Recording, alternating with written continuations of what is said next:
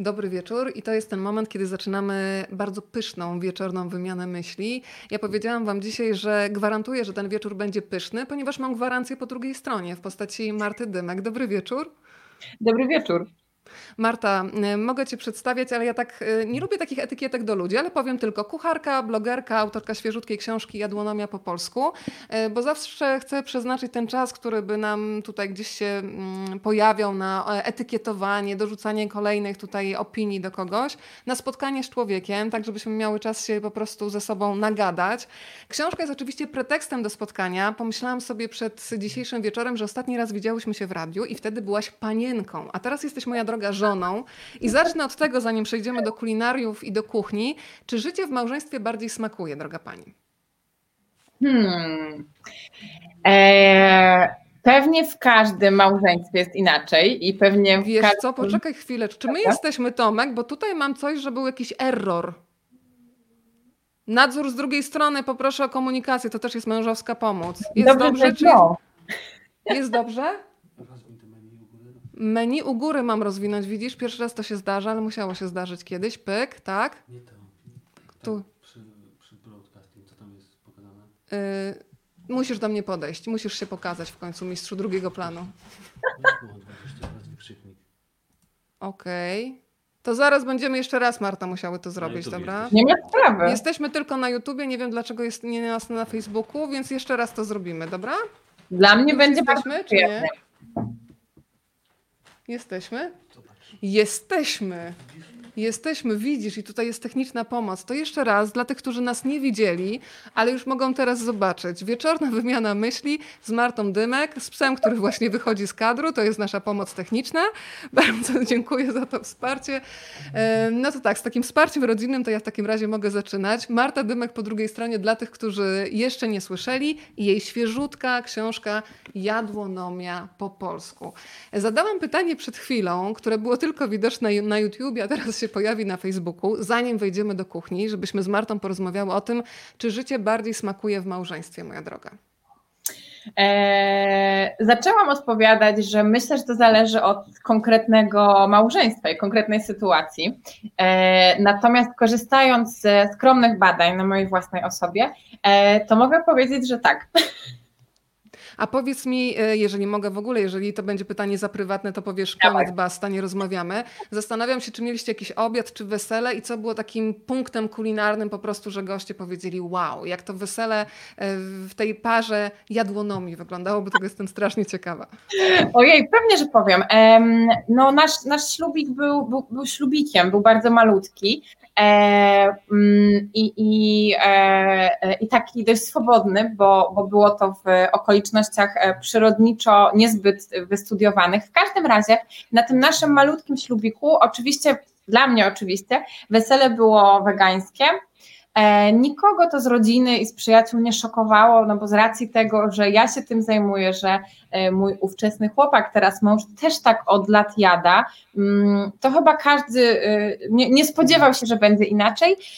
I myślę, jak teraz wspominam, że największym hitem, bo w ogóle czuję, że na naszym weselu wszystko było hitem kulinarnym, dlatego że ugotowało to, to jedzenie moje ukochane miejsce, czyli lokal Vegan Bistro z Warszawy, które jak zawsze e, serdecznie pozdrawiam, bo lubię to miejsce e, i na co dzień, i w takich szczególnych okolicznościach jak własny ślub.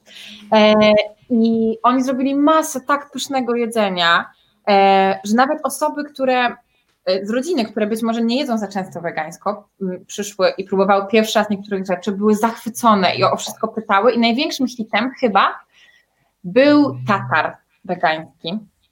Powiedzmy, jak tatar wegański wygląda od razu. E, może, być, może być różnoraki, natomiast ten, który oni przygotowali, był wspaniały z pomidorów, e, z, mm, to brzmi dziwnie, uprzedzam, ale jest to pierwsza klasa, z wafli ryżowych, które jak się pokruszy i wymiesza z dobrym olejem, z przecierem pomidorowym, z solą, pieprzem, z cebulką, ogórkami i wszystkim tym, co jest w tatarze, to ma to taki tatarowy smak, ale też bardzo przyjemną konsystencję. No to było bardzo smakowicie, co do tego nie mam wątpliwości. No to teraz już się skupiam na książce, nie będę wchodzić e, dalej w życie prywatne. Jeszcze tylko cię muszę zapytać o jedną rzecz, ponieważ Łatka gdzieś tam przemknęła. Jak twoja emerytka? Bo ty też masz e, fantastyczną sunię. Moja emerytka jest z nami, mm, w związku z tym, że ona jest mało ruchliwa e, i też mało hałaśliwa, to może towarzyszyć mi w takich rozmowach, po prostu, bo sobie w tle chrapie. Być może w pewnym momencie zaśnie głębiej i wtedy wszyscy usłyszymy jej chrapanie, ale tak na nią zerkam kątem oka, to chyba jeszcze nie jest ta faza. Okej, okay, będę nasłuchiwać w takim razie, co tam się będzie działo po drugiej stronie. A teraz już powiedzmy trochę, jak powstawała jadłonomia po polsku. Z tego, co słyszałam, to bardzo dużo czasu spędziłaś w bibliotekach, wertując różnego rodzaju książki, ale też czasopisma. I powiedz mi na początku, co cię najbardziej zaskoczyło. Chodzi mi też o artykuły pisane przed laty, o ten język, który tam się pojawia, o to, czy autorkami były, czy, to, czy pisały te teksty kobiety, czy pojawiali się mężczyźni, no bo wspominasz między innymi Stanisława Czarnieckiego, czyli autora pierwszej polskiej książki kulinarnej, ale takie the best of tych znalezisk z y, biblioteki, poproszę.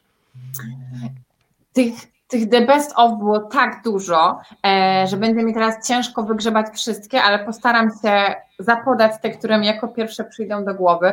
Wiesz co, generalnie moim zdziwieniem największym i nieustającym w trakcie tego całego roku faktycznie e, przesiadywania w Bibliotece Narodowej albo przesiadywania na Polonie, czyli w tych zbiorach online, bez konieczności odwiedzania czytelni, mm, było to, że że ta kuchnia polska dawniej była tak jarska i była tak jarska z wielu powodów, czasem czysto ekonomicznych, czasem religijnych, bo, bo dawniej post zajmował nawet pół roku.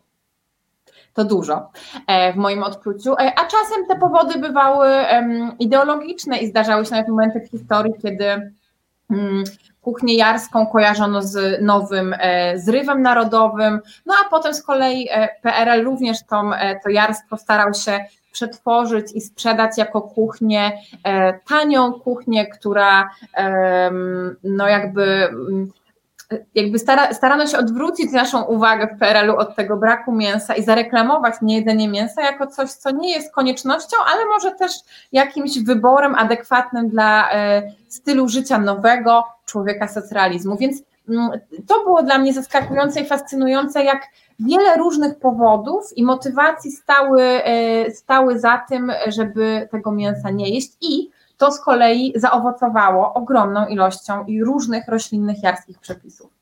A powiedz, y, Marta, jakie ty pamiętasz takie potrawy z takiego stołu? Teraz w ogóle, jak powiedziałaś hasło PRL, to mi się przypomniały po pierwsze, że dużo częściej były domówki i że ten nasz dom w zasadzie był otwarty i sąsiedzi nie musieli dzwonić, no czasami nawet nie mogli w pewnym etapie, e, żeby się umawiać, tylko po prostu przychodzili i to, co było na stole, zazwyczaj było bardzo skromne, no bo te koreczki przedziwnej urody. Ale mhm. co pamiętasz z takiego e, stołu swoich rodziców, kiedy przychodzili właśnie sąsiedzi wpaść, na chwilę pogadać, na przy okazji jednak coś lądowało na stole?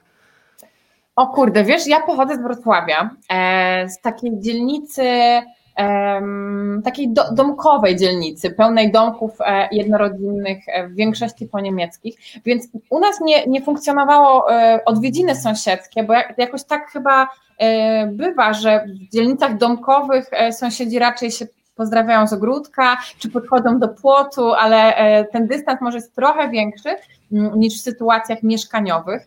To widać, że jestem dziewczyna z blokowiska po prostu od razu. Ale wiesz, że to jest ciekawe, bo ja o tym nigdy wcześniej nie myślałam faktycznie, że e, no właśnie, że w zależności od rodzaju zabudowań, w jakich się wychowywaliśmy, e, inne były takie relacje sąsiedzkie i że te w domkach są paradoksalnie trochę może z większym dystansem niż właśnie w blokach czy kamienicach. No natomiast zdarzały się oczywiście odwiedziny e, różnych koleżanek, kolegów moich rodziców.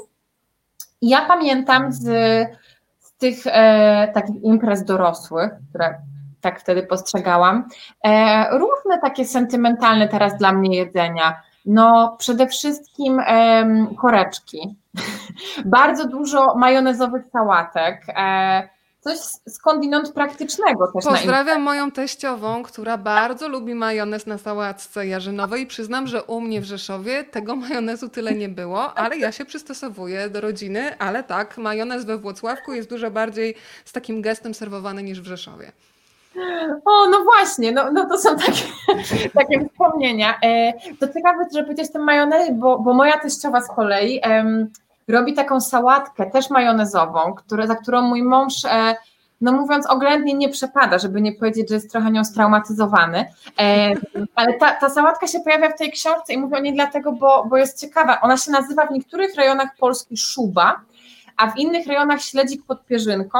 No i to jest warstwowa sałatka, gdzie jest śledź, czasem e, czasem ziemniaki, reszta jest wymienna, jest to z reguły śledź i buraki, a oprócz tego mogą być marchewka gotowana, cebula, ogórki kiszone, konserwowe, pieczarki, no i właśnie to wszystko jest e, przekładane warstwą majonezu.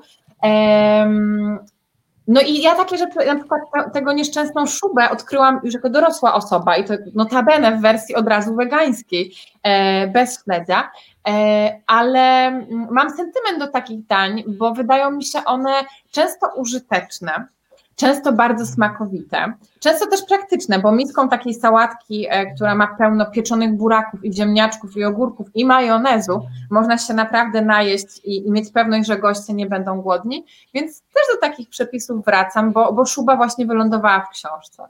Bardzo mi się podoba hasło, że ta książka jest bez, bez wydziwiania. To cytuję Ciebie tutaj. Co to znaczy, że jest bez wydziwiania dla tych, którzy jeszcze książki nie mają, na razie gdzieś zjedli ją oczami przez witrynę i dopiero się zastanawiają nad zakupem? Co to znaczy, że nie wydziwiamy?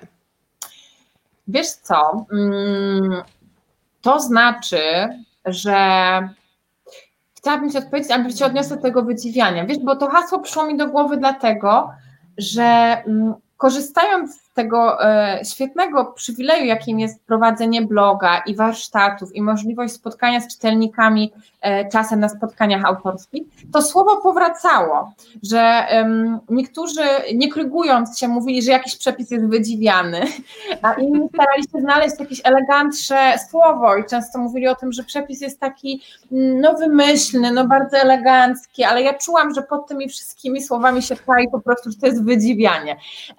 I mi samej też to czasami przychodziło do głowy, więc pomyślałam sobie, że jeżeli coś ma o tej książce opowiadać i oddawać moją myśl przewodnią, to właśnie to hasło, że to jest y, kuchnia, książka czy przepisy bez wydziwiania. A bez wydziwiania znaczy, że nie ma tam rzeczy, które są kompletnie zbędne, nie ma tam nadmiaru pracy, nie ma tam niedostępnych składników e, albo technik wymagających użycia jakichś e, drogich e, czy, czy szczególnie takich, no właśnie, wydziwianych, chciałoby się powiedzieć, sprzętów. No to w takim razie teraz się zatrzymajmy przy prostych rzeczach w kuchni. Kasza. Powiem Ci, że jak e, dzisiaj robiłam sobie kaszę, miałam wyrzuty sumienia. Powiem Ci dlaczego. Ponieważ odkryłam jeszcze w swojej spiżarni takie opakowania niestety w foliowych woreczkach, ale stwierdziłam, że już je zjem, no bo przecież nie wyrzucę. Ale tak. zaczęłam się zastanawiać, dlaczego tak chętnie Polacy kupują jednak tę kaszę w woreczkach. I stwierdziłam, że pewnie dlatego, że mają kiepskie doświadczenia, że kiedy od razu sobie wrzucają do garnka, to ta kasza im się przypala. I tutaj przychodzi jako pomoc po prostu peleryna Batmana e, Marta Dymek i mówi proste rzeczy, które człowiek już teraz zapamięta raz do końca życia. Co zrobić, żeby kasza była sypka, smaczna i żeby folii raz na zawsze powiedzieć, tutaj się sama bije w pierś e, do widzenia, bo to jest bardzo nieekologiczne, więc tylko kończę zapasy, a potem już tylko e, kasza po prostu w opakowaniach. Wiesz, ale to nie twoja wina, no bo ty kupujesz coś, co jest w sklepie.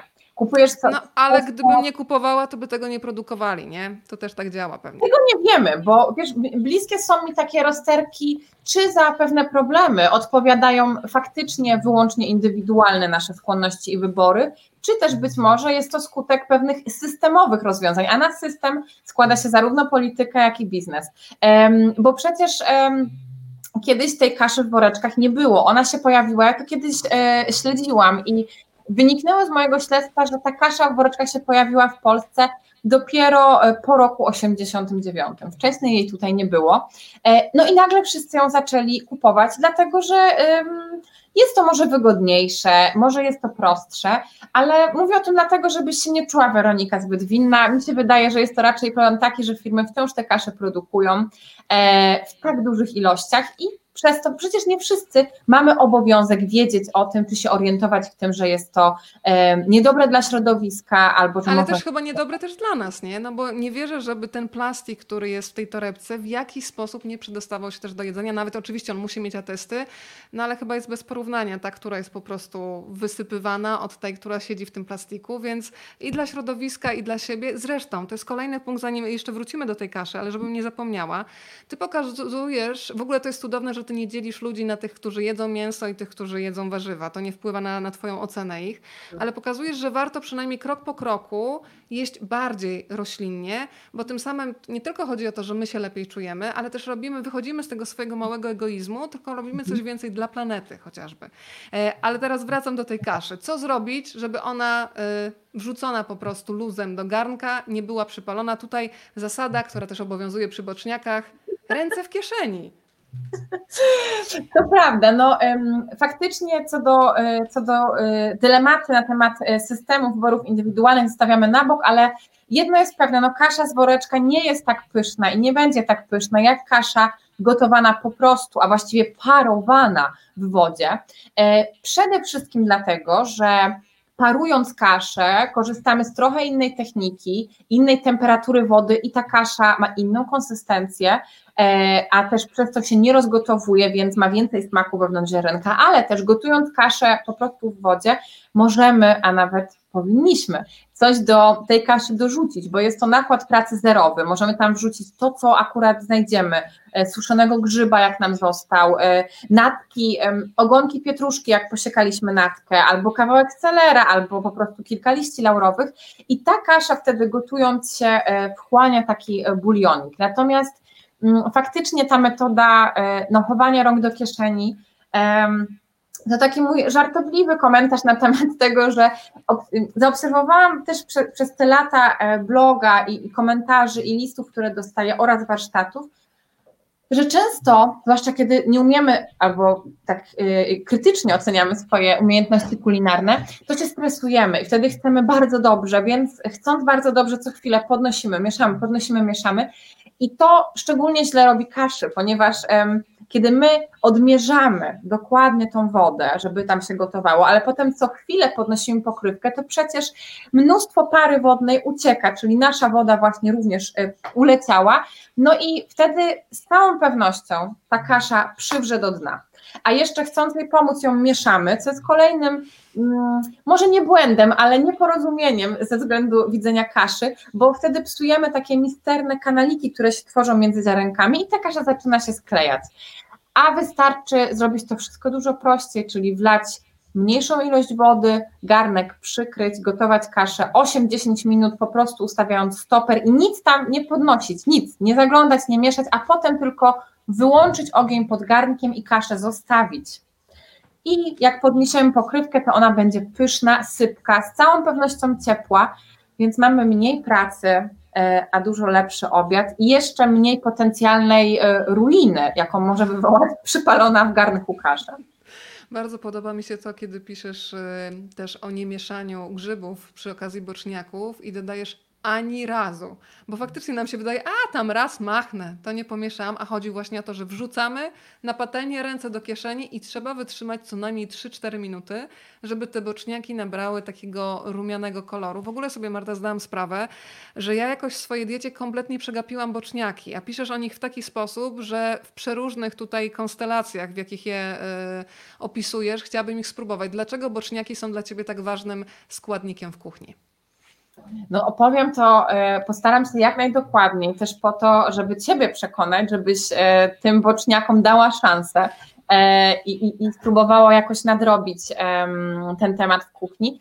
Po prostu dlatego, że boczniaki są bardzo smaczne, tanie, a, a też dostępne przez cały rok, więc to jest taki pyszny składnik, który nam się przyda zwłaszcza na przedzimiu czy na przedwiośniu, kiedy nie za wiele mamy do wyboru. Mogłabym jeszcze dodać to, że boczniaki też można bardzo tanio w domu hodować, bo można kupić takie gotowe zestawy. Mówię o tym dlatego, że taki zestaw leży u mnie za oknem i ja na niego patrzę cały czas. To jest taka po prostu skrzyneczka gotowa, wielkości pudełka mm, na ja już, Mój mąż tego już szuka teraz w internecie, jestem o tym przekonana w drugim pokoju, bo on jest fanem takich wynalazków. Dawaj Ale dalej. Wiesz, bo po prostu się, jakby dostajesz takie pudełko, gdzie jest y, jakby grzybnia, tak, czyli z reguły są to trociny lub, lub e, fusy kawowe, więc jest to mm, nie, nie pachnące, nie brudzące e, ekstra rzecz i po prostu się spsikuje to z zewnątrz wodą i zostawia. I co jakiś czas to się psikuje, najczęściej codziennie, co drugi dzień, żeby to było cały czas wilgotne. I te grzyby rosną same tak bardzo, że mój zestaw, zanim zdążyłam spsikać ostatni, zaczął już wyrastać. Więc dzięki temu inwestujemy dwie dychy taki zestaw do boczniaków i mamy z tego e, trzy lub nawet cztery zbiory boczniakowe. Także Weronika, może uprawa boczniaków Cię przekona. Będę, balkon mam przygotowany. Słuchaj, Ania pisze, gulasz z boczniakami, z jadłonomi. Tutaj już niektórzy próbowali, słuchaj, są fani. Widzę, że już fanklub w ogóle boczniaków powstaje, bardzo się cieszę. No to teraz jeszcze dorzućmy do tych boczniaków coś, co mi się bardzo podobało, słuchaj, połączenie kalarepy i truskawek. Mm. Tam jest taka zupka. E, ja jeszcze nie zdążyłam zrobić, ale się już przygotowuję, bo kalarepę kocham. W ogóle muszę ci powiedzieć, że mój pies jest wege. Kiedy ma w misce mięso i na przykład e, surowe ogórki, albo czerwoną paprykę, albo kalarepę, wyje warzywa, zostawi mięso, czyli nasze babcie byłyby załamane, co to jest za zachowanie. E, no ale powiedzmy o tej kalarepie, co można zrobić z truskawkami? Oj, wiesz co, faktycznie kalarepka to jest takie wdzięczne warzywko, która ma też taki bardzo subtelny smak. E, kalarepa jest trochę dla mnie podobna do szparagów, to znaczy ma, ma, ma bardzo ciekawy smak, pełen delikatnych aromatów, o który warto e, zadbać, nie przytłaczając go niczym. Dlatego właśnie takie zręczne wydaje mi się połączenie kalarepki i truskawek e, i właściwie niewiele więcej, czyli żadnych wyraźnych przypraw, ziół e, czy jakichś korzennych dodatków. E, także cynamon, pieprz, goździki to w ogóle nie, nie historia dla kalarepy, ale właśnie kalarepa ugotowana na prosty krem, wyłącznie z solą i pieprzem, a podana potem z pokrojonymi truskawkami, tak jak czasami obsypujemy krem na przykład pomidorowy świeżymi pomidorami, czy wrzucamy świeże zioła, taką rolę mogą pełnić te dojrzałe truskawki jest to przepyszne, bardzo lekkie, a też um, ważne jest przy tym dla mnie to, wiesz, że nie potrzeba wielu składników, bo nie trzeba tej kalarepy przyprawiać pięcioma ziołami, wystarczy sól, pieprz i potem to ta kalarepa z truskawkami robi całą robotę. To muszę teraz zapytać o cudowną wodę, którą wiele osób wlewa do zlewu. Też jestem niestety w tym gronie, ale do dzisiaj są pewne zmiany, do których trzeba dojrzeć po prostu. Czyli teraz e, zanurzamy się w ciecierzycy i powiem Ci Marta jedną rzecz, co oczywiście o tej magicznej wodzie za chwilę opowiesz, ale piszesz potem o bezie, zaraz powiem skąd ja tak przechodzę od ciecierzycy do słodyczy. Ja nie wiem, czy to jest możliwe, ale piszesz o tej bezie tak, że coś, co wydawało mi się mistrzostwem świata, wydaje mi się w zasadzie chyba bym potrafiła to zrobić, ja to przetestuję, ale to naprawdę brzmi prosto. Powiedz, czy, yy, czy to jest złudzenie i potem ja, jak już będę przy tych garach, to powiem, no tak, innym się udało, ale mi znowu nie. Więc wyjdźmy od tej magicznej wody y, z ciecierzycy, która nam posłuży do bezy, bo się trochę zaplątałam. Jak dla mnie w ogóle się nie zaplątałaś, zupełnie wiem, co mam robić. Opowiadam. Wiesz co, faktycznie e, aquafaba, o którą pytasz, to jest woda, którą znajdujemy w puszkach, słoikach z ciecierzycą, a też w garnku po gotowaniu e, ciecierzycy. I takie przepisy e, na wegańską bezę pojawiały się od jakiegoś już dłuższego czasu i polegały one na tym, żeby aquafabę ubić tak samo jak ubija się białka, bo ten magiczny płyn ma właściwości zarówno białek, czyli się ubija, jak i żółtek, ponieważ emulguje. Co brzmi skomplikowanie, ale to znaczy nic innego jak to, że można zrobić sobie z tego majonez. Także poręczny składnik, bo kosztuje 0 zł i, i można go zużyć do różnych dań. no i powiem, i wegańska beza naprawdę nie jest e, dużo lub wcale trudniejsza od tradycyjnej, a nawet powiedziałabym, że może być prostsza, ponieważ białka można przebić, jak pewnie niektóre kucharki, e, które nas może oglądają, czy cukierniczki wiedzą. Natomiast aquafaby przebić się nie da. Ją można ubijać bardzo długo i tam się nic nie zadzieje. Można też ją dość długo przechowywać w lodówce i nie ma ryzyka, że coś się w niej zepsuje, tak jak jest z surowymi białkami, na które trzeba dosyć uważać. I kiedy mamy już taką wodę z ciecierzycy, to żeby ona się ubiła z całą pewnością, tak, że naprawdę to będzie e, tak proste, że raczej będziesz patrzyła na tą miskę i myślała sobie, Boże, czemu nie robiłam tego wcześniej, to wystarczy ją zredukować, czyli wlać do rondelka lub garnka lub patelni i chwilę pogotować, tak żeby się objętość zmniejszyła o połowę. Dzięki temu moc tej akwafaby wzrasta, bo odparowuje nadmiar wody, a zostają te składniki, które sprawiają, że ona się ubija. Jak się, I można ją sobie zredukować, a potem e, włożyć do lodówki i bezę zrobić za dzień, dwa, trzy, cztery lub cztery lub pięć nawet. Wystarczy ten płyn wlać do miksera i po prostu ubijać go. I on się błyskawicznie ubije. E, I tutaj nie ma już żadnego haczyka. Na pewno osoby, które wcześniej nie robiły bezy, żadnej, czy to e, tradycyjnej z jajek kurzych, czy wegańskiej, dobrze, żeby zaczęły od małych bezików, a niekoniecznie od takiej wielkiej pawlowy, bo po prostu wymaga więcej wprawy, mm, ale mogę obiecać naprawdę, że każdy, kto zrobi taką bezę wegańską zgodnie z przepisem w formie mniejszych bezików, to mu się to uda e, na piątkę z plusem. Ktoś dobrze zinterpretował, że Zuzanka chrapie w tle? Tak. Tak. Państwo mają naprawdę bardzo czujny słuch. To uwaga, nie wiem, czy wszyscy, wszyscy lubią, lubią na stole naleśniki. Muszę zapisać, czy w tych przepisach, w których w jadłonomii po polsku pojawia się pszenna, czy jest szansa, żeby ją z jaką inną mąkę dla bezglutenowców, zastanawiam się. Bo oczywiście jest też y, składnikowe y, naleśniki też są, które są w ogóle fantastyczne, o nich też zaraz pogadamy, ale doskonałych jest szansa, żeby tą pszenną na coś innego zamienić? Tak, w każdym, w każdym takim naleśniku e, klasycznym, czyli opartym na dodatku płynu i tłuszczu i też tutaj właśnie tej magicznej akwafaby, e, można tak zrobić. Najlepiej jest użyć jakiejś mieszanki bezglutenowej, którą się zna, którą się lubi. E, taką dość uniwersalną jest mieszanka trzech różnych mąk, żeby po prostu one się uzupełniały, żeby nie było to za ciężkie. Ja szczególnie za uniwersalną uznaję mieszankę mąki ryżowej, jaglanej i ziemniaczanej. Ta ostatnia naprawdę dobrze, dobrze robi. Mm, no i można, można sobie w ogóle tą mieszankę wytworzyć w słoiku i trzymać na stałe e, i potem sypać, e, łączyć z resztą składników i gotowe. Marta, od razu powiem, bo nie wszyscy wiedzą, a to trzeba powiedzieć głośno i wyraźnie, że wszystkie zdjęcia w książce Jabłonia po polsku zrobiła właśnie ta pani, ale oczywiście nie podpisała się skromnie pod tymi zdjęciami. Czytałam trzy razy. E, na wcale oczywiście, bo fotografia kulinarna jest skomplikowana, więc podłon Marta e, w Twoją stronę. To jest e, naprawdę kawał roboty, takiej, że najpierw książkę je oczami, a potem ma się ochotę przejść e, do zajęć Kolejne zdjęcia zaraz się pojawią. Ale wcześniej bardzo bym chciała, żebyśmy rozmawiały o tym, że kiedy ludzie jedzą mięso, są takimi żercami, ale tylko generalnie mięso, słyszą mm, kuchnia roślinna, to w głowie mają jedno hasło sałatka.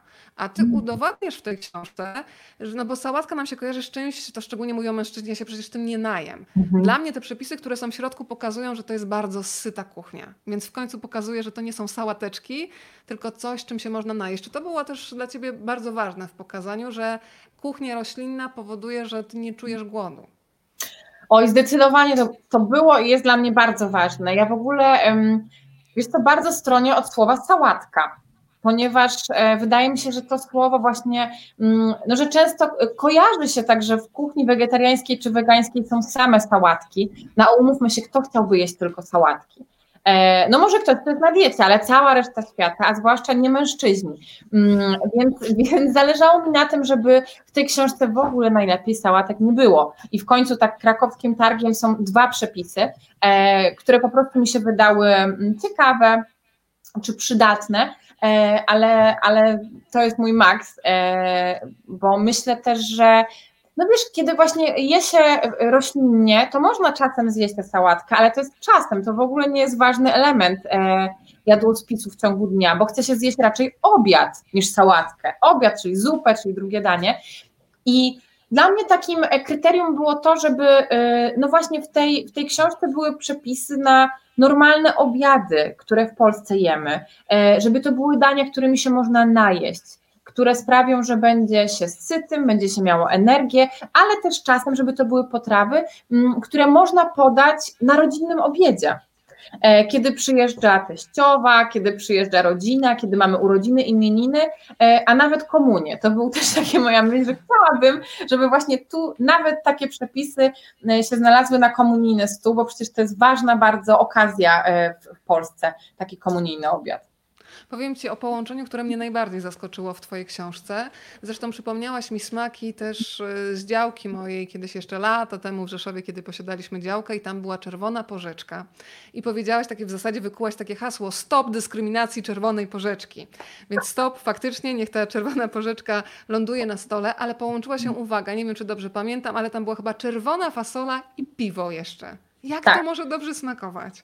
To smakuje świetnie. To jest gulasz. Uspokoję Państwa E, słuchaczy i słuchaczki, że to nie jest, e, broń Boże, jakaś sałatka czy jakieś ciasto, to jest gulaszyk.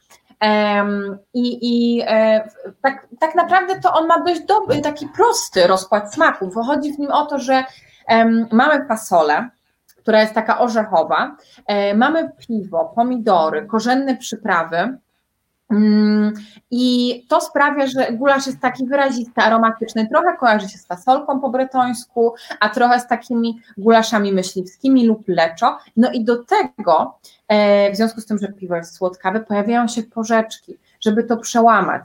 E, I to może brzmieć zaskakująco, ale właśnie to, co sprawia, że jedzenie nam smakuje, to, co sprawia, że tak lubimy właśnie to leczo wspomniane, czy pomidorówkę, to jest to, że y, jest w tych daniach smak zarówno słodki, jak i kwaśny. I tutaj zamiast y, na przykład tych pomidorów w dużej ilości uzupełnia ten efekt właśnie kwaśna porzeczka i piwo, a zależało mi na tym dlatego, że mm, faktycznie wydaje mi się, że porzeczki dorzucamy do ciasta, dekorujemy nimi desery, ale że y, mało używamy porzeczek w daniach wytrawnych, a przecież tych porzeczek w Polsce mamy tak dużo.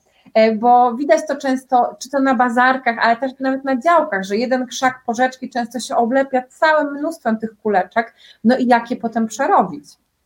Marta, pojawiają się pierwsze pytania, a akurat od kogoś nas nagląda na YouTubie, nie na Facebooku. E, często w przepisach pan Eryk pisze, pojawia się, by dodać trochę cukru. Mam zawsze z tym opór. Naprawdę trzeba? Pytanie dlaczego? Okej, okay, tłumaczę. E, tłumaczę i mam nadzieję, że moje tłumaczenie uspokoi, wyjaśni i może tego zachęci. To, że potrawa e, nam daje satysfakcję, że nam smakuje, wynika z wielu różnych względów. E, pierwszym z tych względów jest smak, a właściwie różne smaki, które są w każdym daniu. I im więcej i im lepiej zbalansowane są te smaki, tym większą odczuwamy satysfakcję. Więc jeżeli w daniu uda nam się zręcznie e, zawrzeć zarówno smak słodki, jak i słony, jak i kwaśny, jak i gorzkawy, to wtedy będzie taka bardzo przyjemna, okrągła pełnia i po prostu będzie nam się chciało jeść. Do tego dochodzą też aromaty, czyli um, zioła i przyprawy, no i jeszcze struktura. E, można powiedzieć, że to jest to, co nas tak cieszy i, i sprawia, że coś albo nam smakuje, albo mamy już dość po dwóch widelcach. No i ta, ten pierwszy podpunkt, czyli smak i smaki, wydaje mi się może nie najważniejszy, ale na pewno um, taki um, istotny w planowaniu tego, tego dania. I e, ten cukier w daniu, często to jest mała szczypta, po prostu sprawia, że danie ma dobry balans, że e, od razu inaczej odbieramy umamiczność, inaczej odbieramy słoność, kwaśność staje się nagle przyjemna, a gorycz gdzieś się tak przeplata zamiast wybijać do przodu. Więc jeżeli ktoś nie używa cukru, co jest zupełnie e, w porządku, to można dać tam cokolwiek innego słodkiego. To może być szczypta ksylitolu, stewi, syropu z daktyli, ale e, to naprawdę robi ogromną różnicę, bo pozwala też w innych proporcjach i ilościach dodawać kolejne smaki, nie wspominając już o tym, że e, doświadczenie ostrości, czyli na przykład dodatek papryki chili, też kompletnie inaczej się rozkłada, kiedy danie ma lekko, jakby jest lekko słodkawe, niż kiedy nie jest, bo cukier na przykład minimalizuje nasze odczuwanie ostrości. Więc jeżeli w takim chili sin carne właśnie pojawia się coś słodkiego. To może być szczypta mm, cukru, szczypta syropu z agawy, podsmażona cebulka e, i do tego ta ostrość, to e, jest to danie przyjemne, a nie tak intensywnie palące. Pojawia się pytanie, e, słuchaj, ja pierwszy raz y, przyznaję, co to jest erytrol, bo ja nie wiem. Pyta Tajka, zresztą fantastyczna tłumaczka, czy może być erytrol zamiast cukru w bezie innych przepisach? Mhm. Erytrol dla, dla, dla tych z, z, nas, którzy tego nie kojarzą, jest to słodzik z brzozy. E, dość popularny, e, ponieważ ma bardzo mało kalorii, e, praktycznie nie ma ich wcale. E, jest słodki w taki e, ciekawy sposób, taki dość przytłaczający. Ciekawy taki... to jest tak trochę jak wiesz, że tak ekstrawagancko, ale wydziwiasz, więc to jest to samo określenie. Jezu, chyba właśnie zrobiłam trochę to, co um, robiła moja mama często, jak ja się uczyłam gotować. Jak coś mi tak kompletnie nie wyszło, to wszyscy próbowali, mówili, no wiesz, ciekawe, ciekawe. Wiesz, co mi powiedział ostatnio kolega, który jest filmowcem, że kiedy przychodzi zapraszany na premiery, na film, który nie do końca wie, jak ma, znaczy dokładnie wie, co o nim myśli, ale nie chce tego powiedzieć, podchodzi, kładzie rękę na ramieniu, mówi stary i odchodzi. Więc to jest chyba ta sama sytuacja z tym brzezowym, tak? Jest pyszny, tak specyficznie, tak? Tak, no właśnie, mm, bo no, tutaj trudno udawać, że, że, że cukier, że te słodziki są równie pyszne, co, co, co cukier, zwłaszcza cukier trzcinowy, który jest taki lekko karmelowy, no ale to jest y, też dobra alternatywa, zwłaszcza w małych ilościach, bo wtedy nie czuć tego właśnie mydłego, dość y, takiego przygnębiającego czasem posmaku erytrolu. Natomiast y, jeżeli chodzi o słodziki do deserów, to wszystko zależy od rodzaju deseru, no bo na przykład takiego budyniu czy kisielu możemy sobie buchnąć dowolny słodzik, to może być e, nawet zmiksowany na papkę daktyle. Mówisz budyń, masz budyń, hałwowy, twój. Ale efekty. Tak, budyń, jest to budyń hałwowy z książki. Bardzo lubię ten przepis, e, muszę przyznać. Przypomniałaś mi teraz o nim, że mogłabym go sobie zrobić. Ja e, dopiero go zrobię w sierpniu, ponieważ e, kwarantanna spowodowała, że mam 4 albo 5 na plusie, więc teraz muszę zrzucić, ale to będzie pierwsza rzecz, którą zrobię w sierpniu. Ja już o tym rozmawiałam z Weroniką, przyznam się, i uważam wciąż, że to jest absolutna bzdura z tym nadmiarem kilogramów, bo jest to w ogóle niewidoczne. Myślę, że to może być wymyślone przez Weronikę. E, spodnie nie widać, ale za chwilę będę odpinać guzik, ale nie będę Państwu tego pokazywać, bo przecież ma być smacznie dzisiaj, więc powiedz, czy na przykład do tego budyniu, który przed chwilą pokazałam, jak tam z tym cukrem? Jest jakiś zamiennik, czy... Tam można dać dowolny zamiennik cukru, absolutnie dowolny, e, bo po prostu budyń w ogóle jest takim deserkiem E, dobrym dla początkujących i nieśmiałych w kuchni, bo tam po prostu się blenduje wszystko i nie ma tam żadnej wyszukanej techniki. Mówiłaś o tym cukrze, który tak uzupełnia smak, że się tworzy taka kuleczka smaku i Sandra, która nas ogląda z Tajlandii, napisała, że dlatego właśnie Tajowie cukier e, dodają praktycznie absolutnie do każdego dania. Tak, tak, właśnie tak, e, tak, dokładnie, zwłaszcza też, że kuchnia tajska jest kuchnią mm, opartą właśnie na balansie i kontraście smaków, bo mm, myślę, że w, każdej kuchni mm, regionalnej, narodowej czy etnicznej e, takie szczególne, różne są punkty tego, co jest istotne i co jest najpyszniejsze dla nas.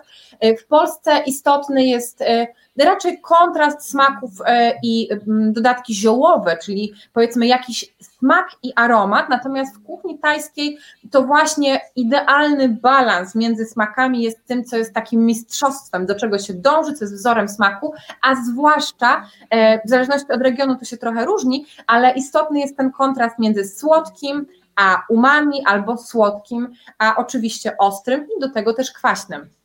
Za chwilę mnie Państwo przekonają, bo tutaj Justyna Ołtarzewska pisze, że jadła ten budyń zamiast śniadania, więc w sumie na śniadanie to można. Jeżeli nie no ma hasła deser, to w ogóle nie wchodzi woda. E, to porozmawiamy teraz o przyprawach, bo powiem Ci, że po przeczytaniu książki zrobiłam taki remanent, e, remanent w swojej kuchni e, i zobaczyłam, czego mi brakuje, bo faktycznie tam nie ma wydziwiania, ale brakowało mi trzech rzeczy, które się bardzo często pojawiały w przepisach. Pierwsza rzecz to był syrop zagawy, który mhm. też y, odnośnie tego, co rozmawiałyśmy. Druga rzecz, y, mam już tylko resztki, więc to jest do uzupełnienia y, papryka wędzona i mhm. śliwka wędzona. Mhm. E, I ta papryka chyba zauważyłam, że ona jest dla ciebie bardzo ważna i ja też tę przyprawę bardzo lubię, bo ona daje taki mięsisty smak, nie w sensie mięsa, tylko takiej struktury, że, że człowiek czuje taką satysfakcję przy jedzeniu. Dlaczego tak lubisz paprykę? E, tak, więc ja się przeproszę za swoje e, próby e, sterowania sukienką, ale właśnie to jest ta to jest trudna sytuacja lustrzana, że chcąc ukryć ramionczko, właśnie zaczęłam je odsłaniać. Może Państwo pomyśleli o mnie coś niedobrego, więc się, więc się tłumaczę. Co do przypraw, to no faktycznie, syrop zagawy już trochę poruszyłyśmy.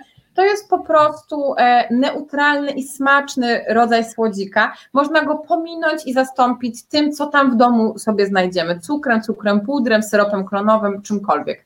Natomiast e, idąc dalej, papryka wędzona, faktycznie bardzo ją lubię, bo to jest przyprawa, która e, myślę, że wzbogaca dania nie tylko o aromat, co robi każda inna przyprawa, ale też o pewien kontekst że jednak papryka wędzona dodaje potrawom e, pewnej nostalgii, pewnej e, sytuacyjnej smaczności kojarzonej z grillem, z mięsistością, z mięsnością, e, więc dlatego ją lubię, bo można jej użyć w różnym stężeniu do różnych potraw, zwłaszcza jak się ją dobrze przesmaży, to wtedy smakuje wybitnie.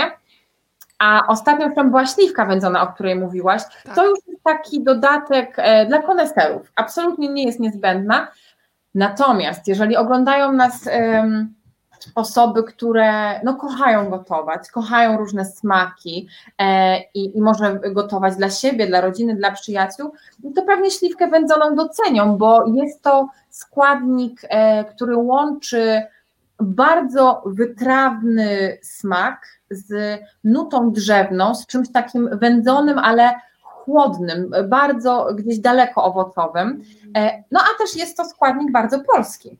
E, więc e, można też w ten sposób wesprzeć rolników, którzy te śliwki zbierają i wciąż suszą wędzą tradycyjną metodą, czyli po prostu na dymie. Marta, w międzyczasie przychodzą do Ciebie podziękowania, więc przekazuję od Ewy, która Ci bardzo dziękuję za wszystkie przepisy, które wprowadziły w moje życie, ciało ogrom przyjemności.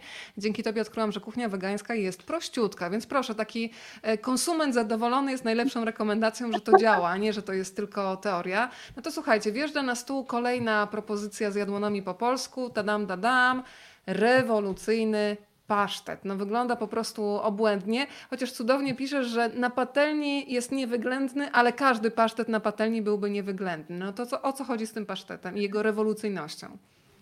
E, no tak, faktycznie ta nazwa e, dużo obiecuje, ale ja, ja wierzę, że ten przepis jest w stanie dowieść tę obietnicę. E, rewolucyjność tego pasztetu opiera się na dwóch rzeczach, ale to ta pierwsza jest najważniejsza, czyli technika. Ten pasztet nie jest pieczony, jest robiony na patelni. To może brzmieć dziwnie, ale jak widać na zdjęciu wygląda jak pasztet, ma nawet tą charakterystyczną dla elegancji właśnie tą taką powłokę tłuszczu. Um, robi się go z bardzo prostych, zwyczajnych, normalnych składników, czyli z orzechów włoskich i cebuli. Koniec. Myślę, że sporo osób zwłaszcza jesienią, miewa nawet nadmiar orzechów włoskich. Cała reszta, która nie ma nadmiaru, może po prostu sobie te orzechy łatwo zakupić, bo są w całej Polsce. Cebulę to chyba każdy w Polsce ma w domu, tak mi się wydaje często.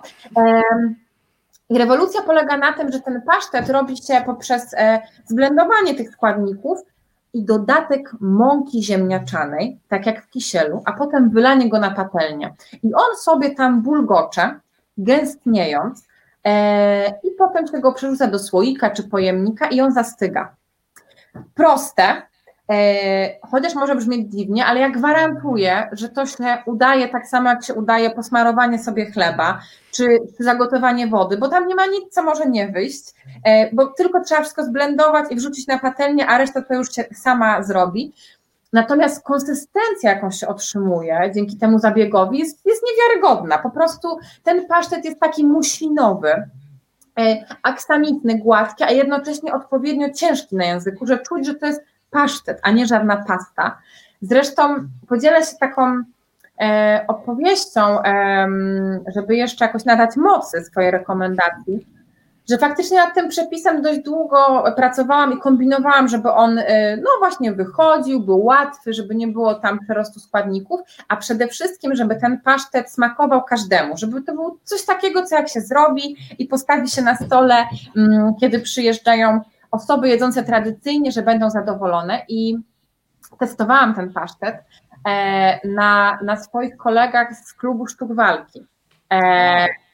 A to są z reguły tacy no, rośli mężczyźni, trenujący boks, muay thai i różne inne, e, inne sporty walki. Zapewniam, że nie są to osoby drobne, herlawe czy niedożywione. Mm, I, I, po prostu takie kanapki z tym pasztetem im dostarczyłam, nie mówiąc oczywiście z czego on jest. I oni naprawdę przez wiele miesięcy mnie jeszcze pytali, kiedy będzie znowu ten pasztet i go wspominali.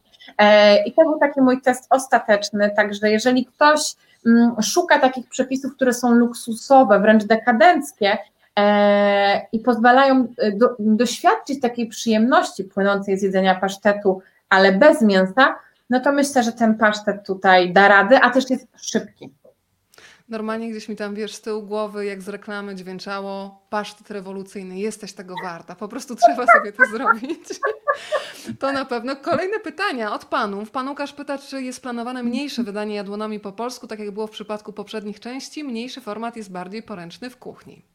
Panie Łukaszu, dziękuję, że Pan o to pyta. E, odpowiem e, od razu. Mm, tak zaczynam mm, tak jakby starając się do Pana przymilić, bo odpowiedź jest no, niestety negatywna. To znaczy, mówiąc wprost, na razie nie ma takich planów i wyjaśnię dlaczego. Przy, wokół czytelników jadłonomii wytworzyły się dwie grupy. Jedni wolą mały format, inni ten duży. I osób, które wolą ten duży format jest więcej, a dla mnie przy tej książce bardzo ważna była jedna rzecz, mianowicie to, żeby w związku z tematem ta książka była czytelna. Tak czytelna, że może z niej korzystać babcia, ciocia i każdy, kto widzi już trochę słabiej, a wiem, że przy tych mniejszych formatach to był problem. Faktycznie tutaj nawet y, czcionka jest taka większa, że to jest książka taka bardzo współpracująca. Mi było bardzo wygodnie, że mogłam mieć książkę kawałek dalej od swojego blatu, rzucałam okiem i widziałam faktycznie te przepisy bardzo wyraźnie. To powiedzmy też o Oli Niepsu i Olku Modzelewskim. Oni też odpowiadają za to, że tę książkę można jeść oczami. Y, tylko przypominam, że zdjęcia w środku Marty cały czas. Marta Dymek, Marta Dymek robiła zdjęcia w książce. Natomiast cała oprawa graficzna, powiedz trochę też o tej współpracy.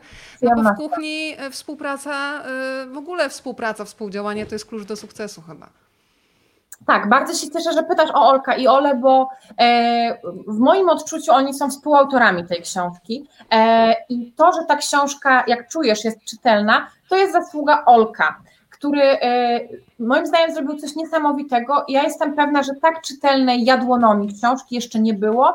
Ta książka jest dopracowana pod każdym względem, właśnie z tej perspektywy, żeby te przepisy były czytelne, widoczne, tak, że można kuchni, podążać za listą składników, odwrócić się, poszukać ryżu i nasz wzrok wróci tam, gdzie trzeba. Także Olek włożył w to mnóstwo pracy, żeby dobrać takie fonty, kontrast, odstępy, tak rozplanować strony, żeby to było mm, jak najbardziej użyteczne i czytelne dla naszych oczu, dla naszego mózgu, nawet kiedy my sobie z tego nie zdajemy sprawy. Natomiast e, no, wyniki pracy Oli Niepsuj widać już od pierwszego rzutu okiem. Mm, Ola Niepsuj e, zaprojektowała okładkę, oraz ilustracje, co dla mnie było y, bardzo y, oczywiste i ważne też w całym procesie pracy nad książką.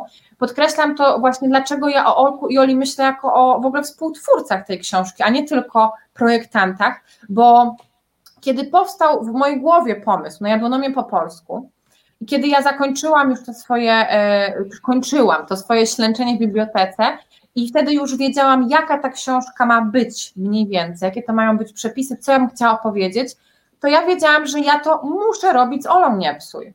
I to był w ogóle początek, to znaczy ja e, e, rozmowy z moim e, przemiłym wydawcą Marginesami też zaczęłam od tego, że będzie taka książka i tę książkę musi robić ze mną Ola Nie Psuj, bo wiedziałam, że nikt tak dobrze jak Ola nie opowie o tym, że kuchnia po polsku roślinna e, jest kolażem. I że w ogóle być może kuchnie narodowe są kolażem technik, wspomnień, składników, e, pewnych e, stereotypów, czasem też, czy, czy, czy naszych wyobrażeń i tęsknot. I ja mam poczucie, że Ola to wszystko właśnie oddała w sposób dużo piękniejszy niż sobie wyobrażałam, bo to też, że. Mm, wewnątrz książki jest sześć rozdziałów, sześć pół roku, a nie cztery to Ola się tym zaopiekowała. Przekładka każdego rozdziału e, jest no właśnie graficzną, taką moim zdaniem niesamowicie nastrojową i wrażliwą opowieścią o tej porze roku. Nie ma tam takich oczywistych skojarzeń, jak, e, że jak lato to letnie warzywa, tylko Ola postarała się i, i moim zdaniem udało się jej to oddać to, jak wyglądają te pory roku w Polsce, e, jak my je odczuwamy, jakie są wtedy pejzaże. To ja teraz muszę jeszcze Cię zapytać o Twoją przygodę, bo tam się do różnych przygód przyznajesz w książce. Przygoda z kiszeniem kapusty. E, powiem Ci, że Łatka też swoją drogą bardzo lubi kapustę kiszoną, co już było dla mnie ogromnym zdumieniem. Ale napisałaś sama, że pomyślałaś sobie, że no już bez przesady, wszystko można robić samemu, ale kapustę kisić do momentu, aż tego nie zrobiłaś. Ja jestem na etapie, kiedy zjadłam najpyszniejszą kapustę kiszoną, która przyjechała do mnie z Podlasia i to jest na razie, po prostu nie ma konkurencji ta kapusta. Jadłam po prostu, zjadłam chyba kilogram od tak. No ale kiedy mówisz, że można to zrobić solo, to trochę po, to już mam boks z boczniakami, to już ustaliłyśmy. A jak mam ukisić tę kapustę, żeby ona faktycznie była obłędna i pokonała Podlasie? Wiesz co, e, faktycznie kiszenie kapusty, zacznę od tego, jest dużo prostsze niż się nam wydaje, bo w ogóle kiszenie jest dużo prostsze niż się może zdawać. Mm, chyba tak się stało, że kiszenie nam się skojarzyło z czymś e, takim mistycznym, bo to było coś, co robiły babcie, mamy, a, a my jako dzieci może tego nie robiliśmy i potem weszliśmy w dorosłość bez poczucia, że jest coś to coś, co robić należy, zwłaszcza, że wszędzie w Polsce można kupić jakąś kiszoną kapustę i jakieś kiszone ogórki. I ja też, wiesz, e, właśnie dlatego piszę w tym przepisie, nie pamiętam już jak go nazwałam, bo bardzo dużo się nad tym zastanawiałam. E, teraz może to będzie jakaś gafa, ale nazwałam go albo kapustą kiszoną na wiek, albo kapustą do M2. To było moje Zaraz to sprawdzimy, ale opowiadaj, a ja tu szukam. Dobrze, dobrze, to, to tak, w takim razie sprawdzę, ja będę mówić. Um, i właśnie w tym przepisie zaczynam historię od tego, że ja wiem, że to jest coś, co się wydaje e, trudne i bezsensowne, i że ja też tak myślałam, ale e, spróbowałam jakiś czas temu kapustę sama kisić i faktycznie kapusta ukiszona w domu nie ma w ogóle równych, nie ma startu do niej, nie mają do niej startu kapusty ze sklepu ze względu na jej wyjątkowy smak, ale też konsystencję, bo kapusta zrobiona w domu przede wszystkim chrupie. Jest taka jędrna. Kapusta kiszona dla współczesnych. To jest ten A. Widzisz.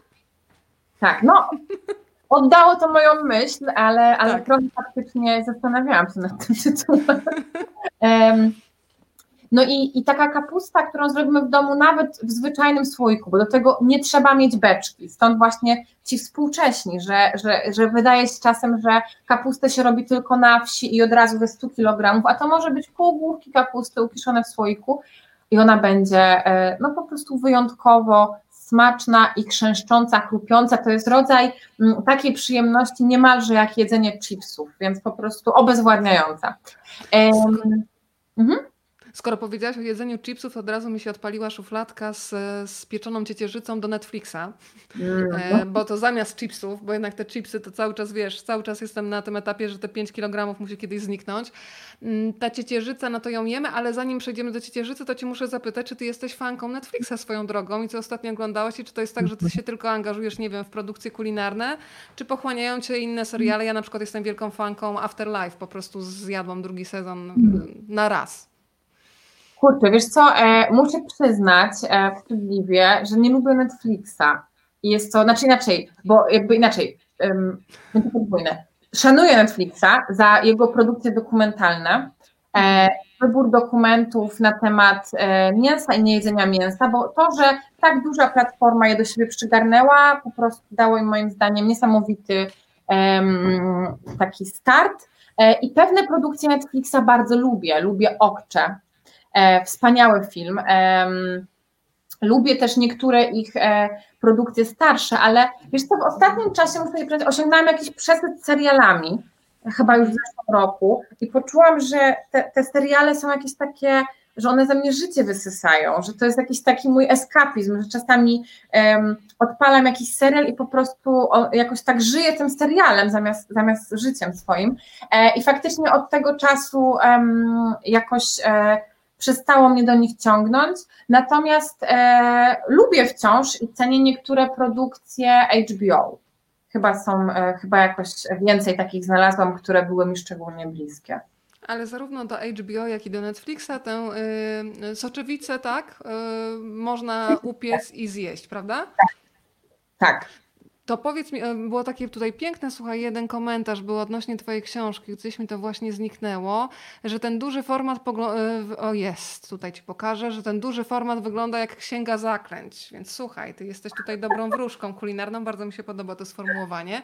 To chciałam Państwu e, jeszcze powiedzieć kilka słów, oczywiście ustami Marty, na temat naleśników, bo bardzo często ja mam wrażenie, że wszyscy je lubią, ale znam wiele osób, które mówią, że chętnie zjedzą, ale nie radzą sobie z tym w kuchni, bo albo jest za gęste to ciasto, albo e, jest za rzadkie, przybiera znowu do patelni i kończy się wielkim bałaganem zamiast jedzeniem. Natomiast ty pokazujesz, że wystarczy jeden składnik i ma być dobrze. Jak to jest możliwe? To prawda. Wyczułam, że nawiązujesz do naleśników z jednego składnika, czyli do naleśników z kaszy gryczanej niepalonej. To jest e, też jeden z moich ulubionych patentów, nie chcę mówić ulubionych przepisów, w sensie ulubionych przepisów z własnej książki, e, że, że tak jakoś się napawam e, swoimi przepisami, bo ten patent na robienie naleśników, blinów czy, czy chlebków z kaszy gryczanej jest bardzo stary i, i, był dość popularny w Polsce, ale zwłaszcza też na wschód od Polski, czyli na Białorusi i w Rosji. I w tym patencie Chodzi po prostu o to, żeby kaszę gryczaną białą, czyli niepaloną, zalać na noc wodą, następnie ją odcedzić, dodać świeżą wodę i to wszystko zblendować. I tyle. Niepotrzebna jest żadna mąka gryczana, mleka, y, jajka, zastępniki jajek, nic takiego, ponieważ naleśniki ze zblendowanej kaszy z wodą namoczonej są bardzo elastyczne, wspaniale trzymają się razem.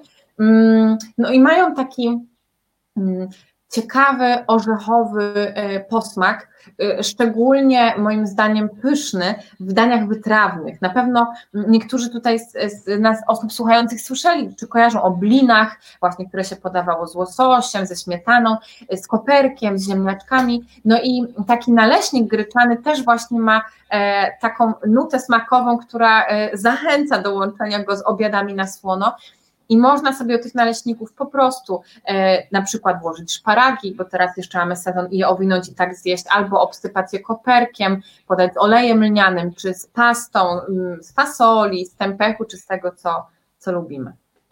E, Ania napisała o klątwie pierwszego naleśnika. Czy w przypadku tych z kaszy gryczanej też to się zdarza? Właśnie, co z tą patelnią? Mocno ma być tam, ma być tłuszcz, czy w zasadzie na suchej patelni to robimy? Tak, żeby, tej kląt, żeby ta klątwa nas nie dotyczyła.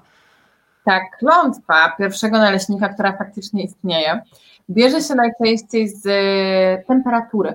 To znaczy, ciasto naleśnikowe e, dobrze jest, żeby odstało trochę. Czasem ono stoi w lodówce chłodząc się i wtedy, kiedy patelnia nawet nam się wydaje, że jest w miarę dobrze nagrzana, no to jednak wylewamy dużą porcję zimnego ciasta, temperatura gwałtownie się obniża, co sprawia, że naleśnik często przywiera, rozpływa się i dzieją się różne kompletnie niekontrolowane rzeczy. Dlatego tym, co mogłabym poradzić, co eliminuje ten problem, jest po prostu porządne, porządne rozgrzanie patelni. Porządne to znaczy, że ona się rozgrzewa minutę nawet, albo i półtora, a nie pięć sekund. I wtedy, kiedy jest cała taka gorąca i to równo gorąca, możemy e, wylać porcję ciasta. Tłuszcz jest drugorzędny. Jeżeli patelnię mamy z dobrą powłoką, e, dobra powłoka nie oznacza drogiej patelni. To może być patelnia y, ze szwedzkiego sklepu z meblami, gdzie, gdzie robimy wszyscy zakupy do domu, tylko nowa, jeszcze na przykład nie zdarta widelcem czy nożem, to wtedy tłuszcz nie jest potrzebny. Jeżeli jest to patelnia już wiekowa, która swoje przeżyła, to faktycznie posmarowanie jej cienką warstwą tłuszczu może pomóc. To teraz z patelni przenieśmy się do piekarnika i coś dla tych, którzy są łasuchami po drugiej stronie. Ciasto czekoladowe, niech tak wirtualnie mhm. teraz wiedzie na stół. Przy okazji y, tego przepisu na ciasto czekoladowe też serwujesz ciekawostkę historyczną. Możemy ją tutaj zdradzić? No pewnie.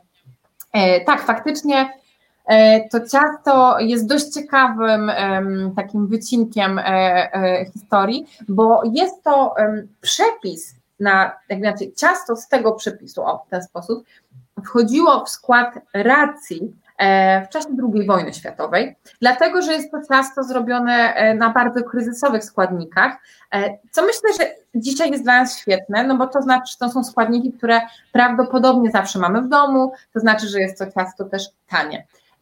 I robi się je na wodzie, to znaczy niepotrzebne jest mleko, czy jakieś rozpuszczanie czekolady w kąpieli wodnej, wystarczy woda albo, to jest wersja trochę lepsza, kawa.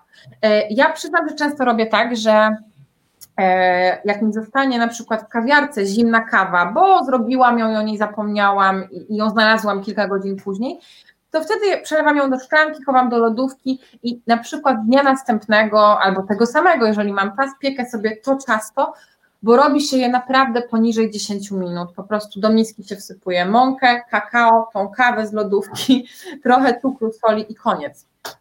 I tutaj też można mąkę pszenną zamienić czymś innym przy okazji ciasta tak, czekoladowego? Oczywiście. To jeszcze jest takie ciasto, które y, po prostu jak je zobaczyłam, to mnie zaczęło skręcać, czyli makowiec japoński. Y, w tej kuchni polskiej oczywiście, ale wiesz co mi się podoba w tej kuchni, że pokazujesz, ja bym chciała, żeby to dotyczyło y, nie tylko kuchni, ale w ogóle y, w naszej polityce, żeby było jasne, żeby było jasne w społeczeństwie, że różnorodność to jest siła, że my nie musimy być najbardziej polscy na świecie, tylko otwieramy się i dzięki temu rzeczywistość nam może bardziej smakować. Więc niech teraz wiedzie na ten stół makowiec japoński, bo on wygląda po prostu tak, że chce się go zjeść ze zdjęcia. Przyznam, że to jest moje ulubione albo jedno z ulubionych ciast. Do tego stopnia, że przepis na makowiec japoński pojawił się kiedyś na blogu i ja y, bardzo, y, bardzo chciałam, żeby on też był w książce, e, ale nie chciałam oczywiście dawać takiego samego przepisu, więc trochę go udoskonaliłam, ulepszyłam, e, uprościłam, e, żeby w książce mógł się pojawić, bo mm, makowiec po japońsku brzmi tak egzotycznie. Ojej, Przepraszam, moja Sunia się obudziła. się obudziła, cudownie, tak. pokaż ją. Ona tutaj chce siedzieć. Ojejku, cześć Zuza. No nie, no ona jest, nie, no ona jest absolutnie do zjedzenia też, no. No! Cudna. Nie mogłam jej zostawić na podłodze, bo ona jeszcze była u, u weterynarza, jak to często psom w jej wieku się zdarza. Um, więc chyba jest jeszcze trochę przygnębiona tym, co ją spotkało. Okay. Mimo, że nie spotkało ją nic złego, więc posiedzi trochę tutaj. Mm. Ale powiedz, czy ona jest z tobą w kuchni? Czy to jest pies podjadający, czy jednak się trzymacie tego, że ma w misce to, co ma? Wiesz to jest pies, e, który ma w misce to, co ma i nie powinien jeść więcej, bo tyje. Natomiast ona jest psem e, bardzo łakomym, więc ona jest w kuchni i po prostu poluje cały czas. Jak tylko spadnie kalafior czy marchewka, no to ona naprawdę na co dzień tak powoli, ledwo drepcze, ale jak coś spada, to jest błyskawicznie. Ale wiesz, co mi się przypomniało? Byłam kiedyś przy okazji jakiegoś spotkania na obiedzie z e, Agatą Buzę, która była ze swoim psem Heleną e, i ten jej pies Helena krążył po restauracji i czekał pod stolikami panów, którzy jedli schabowego i nagle ktoś z naszego towarzystwa powiedział Agata, ten pies cię naprawdę kocha, bo przecież ty nie jesz mięsa i on po prostu jest też z tobą i, i że on wytrzymuje, że tylko te warzywa, bo faktycznie pies tam siedział, ale potem ostatecznie przychodził do nas, więc podobnie jest w twoim przypadku, że on to nie ma kochania za, za żarcie, za mięso, tylko po prostu prawdziwa miłość. No tak. Kalafiorowa. Tak, tak mi się wydaje. No z mojej strony jestem pewna uczuć, y, ze strony Zuzy, no nie wiem, mam, na, mam nadzieję, że też jakoś się odwzajemnia. Padło pytanie, ile Zuzeczka ma lat. I to jest pytanie trudne z tego, co wiem. Nie? Tak, no nie wiadomo, bo ona oczywiście jest psem e, adoptowanym. Mówię oczywiście jakby nie, nie w jakiś sposób wyższościowy, tylko dlatego, że wiele razy się odnosiłam do tego, że, że adoptowanie psów, a nie kupowanie jest mi szczególnie bliskie, chociaż nie jest to oczywiście jedyna forma, ale po prostu dla mnie ważna. E, więc kiedy ja ją adoptowałam, to już nie byłam młodym psem, i wtedy miała być może 4, być może 6 lat, e, nie było to pewne, e, więc teraz być może ma lat 11, a może 13 to jeszcze zapytam o te połączenia w kuchni. Trudno mi się skoncentrować, jest tak, ona jest do zjedzenia po prostu. E, to powiedzmy o tych połączeniach, które mm, na przykład e, wzięliśmy dla siebie z kuchni żydowskiej, czyli owoce i warzywa korzenne. Też to świetnie gra. Więc tylko mm. czasami wystarczy mieć wskazówkę cenną od ciebie, żeby potem się rozsmakować w tym, co jest na talerzu. To prawda. E, kuchnia żydowska w Polsce wiele rzeczy bardzo nam e, dała i, i, wiele cudownych wpływów e, się, wplotło w dania mm, inne. E, I to łączenie owoców w daniach wytrawnych zdaje się być szczególnie charakterystyczne właśnie dla kuchni Żydów polskich. Dlatego też w książce pojawiła się fasolowa złota z dodatkiem właśnie rodzynek i migdałów, mm, bo to połączenie migdałów i rodzynek jest szczególnie takie kojarzone i, i słusznie z potrawami żydowskimi. To niech się pojawi warzywo, którego bardzo długo nie znosiłam, teraz do niego wracam, czyli brukselka ale bardzo dobrze, że się przyznaję do tego, że go nie znosiłam, bo podajesz przepis, który będzie do zaakceptowania dla wszystkich brukselko-sceptyków. I zacznijmy od tego, że piszesz wprost, że jak się coś robi z brukselki zazwyczaj, z tych przepisów, które znamy w domu, to, cytuję, podśmierduje. I to nawet bardzo podśmierduje. To co zrobić, żeby nie podśmierdywało, tylko smakowało? Tak, no Weronika, nie jesteś jedyną osobą, która brukselki nie lubi. Takich osób jest mnóstwo. E, I wiem o tym, dlatego chciałam e, stworzyć przepis, który e, no właśnie pozwoli w tej brukselce się rozsmakować nawet osobom sceptycznym do brukselki, dlatego że jest to w sezonie jesiennym tak popularna kapustka, tak tania i może być smaczna, no że szkoda by było nie pokazać tej lepszej strony brukselki. I tutaj mniej niż o przepis chodzi o technikę. Bo to, że brukselkę warto piec, to pewnie wiele, wiele osób wie, ja o tym też pisałam, natomiast to, co robi taką prawdziwą rewolucję, to jest pieczenie brukselki w szczególnie wysokiej temperaturze. Więc jeżeli ją upieczemy nie w 180 stopniach, tylko w 200 lub 220, to ona kompletnie, gwarantuję, kompletnie nie pachnie, a robi się słodko-wytrawna e, i po prostu pyszna. Wtedy ważne z kolei jest to, że skoro pieczemy ją w tak wysokiej temperaturze, to już nie chcemy jej nacierać przyprawami, bo one po prostu by się zjarały w trakcie, nie miały aromatu, więc ta receptura trochę odwraca sensy przepisu. To znaczy, brukselkę piecze się tylko w oleju i soli, właśnie po to, żeby zamaskować ten jej smrodek, a wydobyć e, pyszny smak i delikatny aromat, a wtedy z kolei dodatki e, można dać na koniec, czyli brukselkę na przykład polać prościutkim sosem na bazie oliwy, octu e, i wędzonej papryki, albo po prostu ją na koniec posypać wędzoną papryką, czy pietruszką, czy kolendrą, chociaż zachęcam do polania jej sosem, bo jednak wędzona papryka dużo lepiej się rozprowadza w tłuszczu niż po prostu taka obsypana. No i wtedy ta brukselka jest genialna, bo sama w sobie jest delikatna, smaczna, pełna smaku, a na wierzchu jeszcze coś ją e, oplata, oblewa i, i dodaje e, jakiegoś takiego bigla. Cały czas jeszcze do nas nowe osoby dołączają. Ja przypominam, że w każdej chwili możecie zadawać pytania. Z przyjemnością je będę bardziej przekazywać. Marta, specjalnie zrobiłam straszny bałagan w swojej szafie, żeby znaleźć koszulkę pomidorową, więc powiedzmy o Twoim numerze jeden, jeżeli mamy w domu fantastyczne, na przykład malinowe pomidory. Co można zrobić? Co dodać do tych pomidorów, żeby no, to było coś, co rozkłada na łopatki kulinarnie? Hmm. Oj, wiesz co, no na pomidory to jest mnóstwo takich, znaczy ja mam mnóstwo jakichś takich swoich e, ulubionych pomidorowych spraw.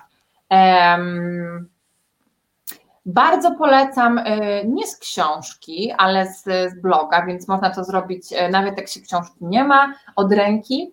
Przepis na chłodnik nie gazpacho, a właśnie salmorejo. To jest chłodnik oparty um, nie tylko na pomidorach, ale też na dodatku chleba oliwy i octu. I na czym polega ta magia?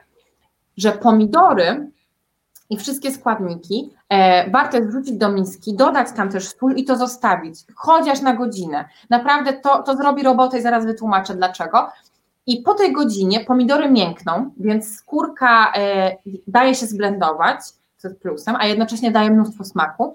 I widzimy nad niemieckim mnóstwo soku a też chlebki, e, no to mogą być stare sucharki, które się wrzuciło do miski, wypijają aromat tych pomidorów i po tym czasie warto jest odlać sok tylko na chwilę na bok do miski lub szklanki, a całą tą, te składniki zmiksować na pulpę, one zaczną w trakcie e, jakby e, zrobią bazę do emulsji i wtedy stopniowo dolewać odlany sok z pomidorów i wlewać oliwę.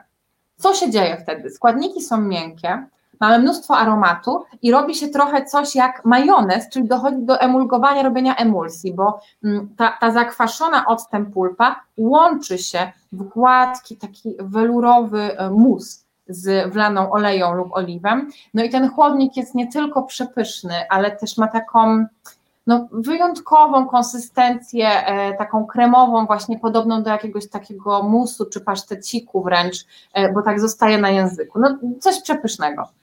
Są razem z nami Państwo też z Londynu i pani Ania pisze, że jest bardzo popularna brukselka na święta, gotowana chwilę na chrupko, a później właśnie pieczona na oleju na patelni, no tam jeszcze dorzucają bekon. A, Ale tak, tak jak prawda. mówiłyśmy, że nie obrażamy się na tych, którzy jedzą bekon. Nie, no, E, absolutnie. Prawda. E, Pani Ola pisze, że już nie może słuchać, bo zjadłaby najchętniej wszystko, o czym mówimy. Nawet tę oliwę z brukselki bym spijała. No faktycznie ja bardzo lubię taki moment, kiedy... O właśnie, a to cię muszę zapytać, Marta. Jak to u Was w domu wygląda? Bo ja czasami się nie kontroluję i u nas akurat jest tak, że gotuje mój mąż, bo on to lubi. Ja z kolei jestem bardzo wdzięcznym konsumentem, który zjada ze smakiem. Ale czasami siedzimy i jemy i nagle słyszę, o, słyszę, że bardzo smakuje. I ja naprawdę zdarza mi się po prostu chrumkać i tak mlaskać wręcz z radości, więc czy u Was takie odgłosy są też obecne w kuchni? No przy, w towarzystwie, kiedy jest jakieś takie poważne towarzystwo, no to staram się zachowywać kulturalnie, ale kiedy coś mi bardzo smakuje, to to w ogóle wychodzi bez mojej kontroli, no. E, No to faktycznie pytanie, pytanie powiem Ci w punkt, z gatunków wręcz intymnych. Muszę się przyznać, że ja mam faktycznie e, no pewien, e, pewien dyskomfort odczuwam, kiedy e, mój mąż mlaszcze czy chrumka, więc faktycznie no jest to u nas w domu rodzaj jakiegoś takiej cichej umowy między nami. E, że nawet kiedy mu bardzo smakuje, to po prostu, żeby właśnie było jak najmniej tych e, mlaszczących odgłosów. Zuza. A powiedz, y, jak to jest, czy, mm, no bo się zastanawiam, no u, u nas w domu jest prosta sprawa, ja niestety nie jestem orłem kulinarnym, mój mąż gotuje bardzo dobrze, więc y, po prostu zjadam ze smakiem, ale czy twój mąż, wiedząc, no, że ma mistrzynię w domu, y, ma w ogóle takie zapędy, żeby wchodzić do kuchni czym, i czymś ci jeszcze zaimponować kulinarnie? Oczywiście, że nie. Myślałam oczywiście, że tak. Nie, no oczywiście, że nie. Wiesz co, ostatnio mój mąż zaczął się mm, coś wymądrzać, że on rzekomo czasem gotuje. No więc, e, żeby obalić to jego twierdzenie, mm, zaczęłam podliczać, kiedy ostatnio gotował. No i wyszło nam z tych obliczeń, on się zgodził, więc, e, więc nie jest to tylko moja złośliwość, e, że w tym roku, 2020, gotował, ugotował jeden obiad, a w roku minionym ugotował dwa obiady. Także nie, zdecydowanie Gotuje. nie. Natomiast e, A muszę co było na ten obiad? To ja już będę taka ciekawska do... Wiesz co, e, mój mąż e, w związku z tym, że też je wegańsko, ale jest takim właśnie typem mężczyzny, który je dużo i lubi jeść dużo, a jest bardzo szczupły i ile by nie jadł, to jest głodny i wciąż jest szczupły i tak w kółko, to gotuje z reguły takie kary, czyli po prostu dania, gdzie wrzuca dużo cieciorki, przypraw, jakieś kokosowe mleczko, czy coś takie breaki powiedziałabym, które po prostu są bardzo kaloryczne e, i do tego sobie jeszcze zjada to z ryżem, który polewa ochoczo często olejem, e, no i takie dania e, powiedziałabym męskie, wysokoenergetyczne i proste. A jak wygląda sprawa, kiedy coś ci nie wyjdzie? Bo zakładam, że nawet tobie coś może w kuchni nie wyjść. Mhm. E, Bo u nas jest tak, że kiedy ja coś przygotuję i to niekoniecznie wyszło, tak jest często, to nagle mój mąż nie ma ochoty jeść. E, Tak skosztuje, nie, bardzo dobre, ale jakoś nie chcę kontynuować. I ja już e, doskonale wiem o co chodzi, więc nie drążę, po prostu jakoś uznaję swoją porażkę kulinarną. Zastanawiam się, czy ty słyszysz od domowników, że Marta, to jest niedobre. Często, wiesz, bo w ogóle mojemu mężowi się tak przewróciło w głowie e, przez, to, przez tą jadłonomię i przez to, że właściwie no, są okresy, tak jak praca nad książką, że ja cały czas e, gotuję każdego dnia kilkanaście potraw, robię różne testy. Mm, Często mi coś nie wychodzi i to jest po prostu fatalne, ale czasem jest tak, że, że rzeczy e, wydają mi się udane, a mój mąż też je krytykuje. Co budzi moją złość, ale myślę, że jest e, potrzebny też i bardzo im pomaga w mojej pracy, bo po prostu mój mąż e, zrobił się rozpieszczony e, i przez to bardzo krytyczny, co sprawia, że pewnie jeszcze więcej wymagam od przepisów i jeszcze bardziej się o nie troszczę.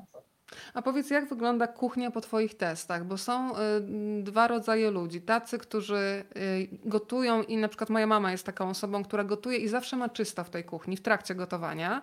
To jest dla mnie wzór niedościgniony. A są tacy, po których zostaje tylko pobojowisko, mało co na talerzu, to jest mój przypadek. Więc zastanawiam się, czy Ty kontrolujesz sytuację w trakcie nawet pracy, że wszystko jest czyste, czy, czy masz ludzi od tego? O, może tak. Wiesz co, no faktycznie nie, nie, nie gniewam się, jak mój mąż e, pozmywa, znaczy załaduje zmywarkę po moim gotowaniu. E, natomiast faktycznie ja gotuję, no może daleko mi do standardów czystości mojej mamy, ale faktycznie kiedy gotuję, ważne jest dla mnie to, żeby nie było chaosu. E, ja mam swoje kategorie, podziały, miejsca na blacie i ja tego bardzo przestrzegam, bo to pozwala mi się skupić i też kontrolować to, że z reguły jak wchodzę y, przygotowywać coś na przykład do książki, to gotuję cały dzień, robię kilka lub kilkanaście potraw, więc to, żeby mm, była pewna struktura, e, kolejność e, i jakoś, no właśnie, żeby nie wkradał się chaos, pozwala mi jakoś taką mieć kontrolę nad tym procesem, więc myślę, że kiedy kończę taki dzień, to na pewno jest tam dużo e, w tej kuchni do zrobienia, ale, ale nie aż tak, jak było kiedyś, przez to właśnie, że e, potrzebuję tego porządku i struktury. Jeżeli mówimy o strukturze, to bardzo ciekawą strukturę ma. Daj mi znać, kiedy Zuza będzie chciała wyjść na dwór, dobra? Bo to jest, są priorytety. E, więc e, zapytam Cię o strukturę chałwy. Zresztą napisałaś pięknie, że to jest smakołyk z babcinnego barku. E, przypomniałaś mi moją babcię, która z kolei na wsi miała zawsze w kredensie piernik i zawsze jak go rozkrajała, to tam były mrówki. I myśmy jedli ten piernik, no nie do końca wtedy już był wegański. E, ale e, powiedz, że tę chałwę w swoich przepisach dodajesz robisz z niej pasztet, to powiedzmy, jak to zrobić i że to nie może być czekoladowa chałwa. Tak, czekoladowa się nie sprawdza, ale wszystkie inne już, już dają radę. Wiesz co, pomysł na chałwę w pasztecie z kilku powodów jest, e, jest całkiem dobry. To znaczy, po pierwsze, chałwa dodaje takiej lekkiej słodyczy pasztetowi, a przecież e, w kuchni polskiej Lubimy często e, dodatki do kanapek, które są słodkawe, słonawe, dlatego że chcemy na kanapkę położyć coś kwaśnego. Kiszonego ogórka, marynowanego grzybka, e, sos tatarski. No więc dodanie takiej jeszcze subtelnej słodyczy do pasztetu sprawia, że cały pasztet ma jeszcze więcej sensu z tymi naszymi ulubionymi dodatkami. E, I hałwa oprócz tego daje, to jest pierwsza rzecz, a drugą jest to, że hałwa daje też ciekawą strukturę, bo ten pasztet tak subtelnie jeszcze skleja. E, więc wtedy on się ładnie kroi, jest taki zwarty, a przy tym e, no właśnie trzymający się ze sobą w taki nienachalny, ale skuteczny sposób. Muszę Cię jeszcze zapytać o hasło, które się pojawia w Twojej książce, które można użyć w swojej kuchni. Muszę zdeglazować garnek to znaczy? No tak, to zdeglazowanie jest podane jako, e, jako otworzę Na zdrowie. Tak, otworzę to, Zuza, proszę. Zuza postanowiła opuścić lokal, żeby Państwa nie dekoncentrować, bo pisaliście, tak, że jest no. tak słodka, że się nie możecie skoncentrować na rozmowie. Chyba to usłyszała i faktycznie wydreptała, ale myślę, że wydreptała w celu e, po prostu żebrania o jedzenie. Um, Deglazowanie. No tak, jakby po, ja o tym piszę, uspokoję, nie dlatego, że, że ja do czytelników piszę, że mają coś deglazować, bo to by było kompletnie od czapy, e, no bo to słowo trudne, fachowe, nie wiadomo co się pod nim e, kryje. Raczej piszę o tym jako o przykładzie jakby komunikatu do domowników, żeby nadać wyższą rangę temu, co się robi, a deglazowanie oznacza w praktyce po prostu um, polanie e, garnka czy patelni, w której coś przysmażaliśmy, płynem po to, żeby to odkleić i e, ten smak, który się zebrał w tym e, jakby mm, przy smażeniu na dole, zabrać do wnętrza dania. Pytanie od Pani Magdy, czy były jakieś smaki, które w czasie testów okazały się totalną pomyłką, zupełnie do siebie niepasujące? Jeżeli tak, to co to było? Było mnóstwo takich e, rzeczy, natomiast z reguły muszę przyznać, to się jakby okazywało, że to Wydaje mi się inaczej, że nie ma smaków, które do siebie kompletnie nie pasują. Kwestią że jest pewna proporcja, czasami dodanie jeszcze trzeciego smaku, żeby był taki trójkącik e, smakowy, mm, czasami mm, właśnie obrócenie e, proporcji albo dodanie innych ziół, żeby któryś smak bardziej uwypuklić, a inny zgasić. Natomiast zdarzały się dania niezwykle kłopotliwe, żeby ten e, odpowiedni balans złapać. No nie, że sięgnę pamięcią, ich było bardzo dużo. Mm, ale takimi potrawami kłopotliwymi, e, w których dość długo tego szukałam. Co to było?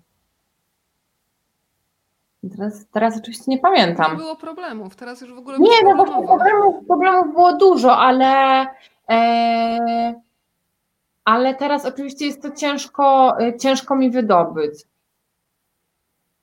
No to jak przyjdzie do głowy, to wtedy y, dopowiesz, dobra? Dobrze. A teraz Cię jeszcze muszę zapytać, a jeszcze tutaj jedno zdjęcie mam, żeby Państwu zrobić apetyt. Piszecie, że jest oczywiście już prawie 22 i to już na jedzenie niby nie pora, ale co tam, możemy jeść oczami, zawsze jest e, takie wyjaśnienie. Powiedz, co mamy na talerzu, Marta. Na talerzu mamy mm, jedno chyba z takich e, poręczniejszych dań z, tej, z tej książki, na które też przepis jest na YouTubie, więc nawet jak się jej nie ma i się na razie nie ma budżetu, to można sobie to ugotować spoza książki. E, to są mielone soczewicowe. Oczywiście klasycznie z ziemniakami i buraczkami, czyli taka odpowiedź na kotlety mielone. Przygotowuje się je z soczewicy, czyli dość też rzecz tania, łatwo dostępna. teraz wow, drugi piesek chyba. Ale czemu ona jest taka smutna? No bo no była z daleka od ciebie. Ona chciała chyba zobaczyć teraz, wiesz, Zuzę. To mów o tych kotletach, ale mówię, mówię, ale ona jest taka piękna.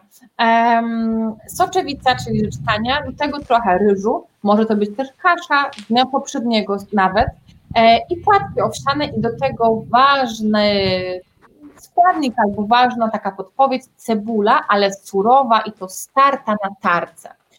To sprawia, że wydobywamy dużo soku z cebuli, który jest bardzo umamiczny, czyli daje piąty smak, który się przedostaje do kotletów, a w dodatku daje odpowiednią wilgotność tym kotletom, bo one są pieczone w piekarniku.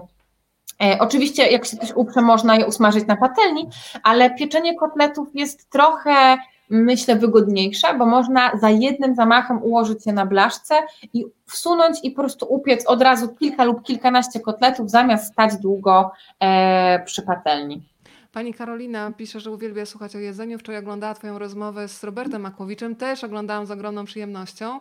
E, cieszę się, że wirus skrócił dystans do autorów i można gościć ich w swoim domu. Nowa jadłonomia to sztos. Tego nam trzeba było. Właśnie kupuję kolejną, tym razem dla mamy, którą przekonałam do kuchni roślinnej.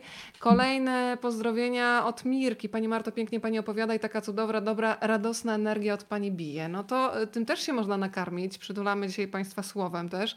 Marta, to na finał finał, chyba że mają Państwo pytania, to proszę je zadawać bez dwóch zdań. Mamy ostatnie 10 minut, bo i tak już się, słuchajcie, zrobiły prawie dwie godziny, więc ja Marcie nie mogę tak tutaj tyle czasu z życia y, zabierać.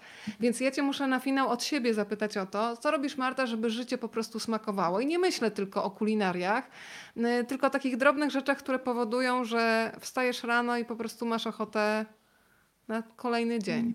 Mhm. Wiesz co, myślę, że to jest to, co dla mnie jest ważne e, tym, o co pytasz, to chyba jest takie też poczucie i nieustanne staranie w tym, żeby robić coś, co, co wydaje mi się dobre, coś, co wydaje mi się sensowne i wartościowe. E, I dla mnie takimi rzeczami jest e, wspieranie na różne sposoby e, organizacji i inicjatyw prozwierzęcych, I, I, mówiąc na różne sposoby, mam na myśli coś bardzo ważnego. To znaczy, że to wspieranie nie musi oznaczać um, tylko przelewu 10 zł co miesiąc, chociaż może, e, ale to też może oznaczać zaangażowanie się w wolontariat, zaangażowanie się w jakąś formę aktywizmu. I znowu wolontariat nie oznacza, że ja czy, czy Państwo, dorośli ludzie, będziemy stać rozdając ulotki na, na ulicy, bo jest teraz całe mnóstwo. Um, organizacji, które działają na rzecz klimatu, środowiska czy zwierząt w sposób nowoczesny i efektywny. I można tam e, zaoferować swoje talenty. Można na przykład dla takiej organizacji, nie wiem, zaprojektować plakat, zaprojektować nową stronę, e, pomóc przetłumaczyć jakieś materiały. I dla mnie chyba e, właśnie takie działania, e, szczególnie bliskie mi e, są działania z, z, organizacją, z którą działam w pewnym sensie na co dzień, czyli z otwartymi klatkami i kampanią Roślinniejemy, są tym, co, co sprawia, że, że czuję um, jakiś taki rodzaj sensu i, i satysfakcji, bo um, bo, bo, wie, bo, wydaje, bo chcę wierzyć w to, że te wszystkie działania pomagają zrobić coś dobrego, a nie przychodzi mi do głowy nic lepszego i bardziej wartościowego niż właśnie działanie na korzyść e, rzeczywistości. Pytanie od stęsknionych za Tobą, Marta, od e, Moni. E, kiedy kolejne warsztaty?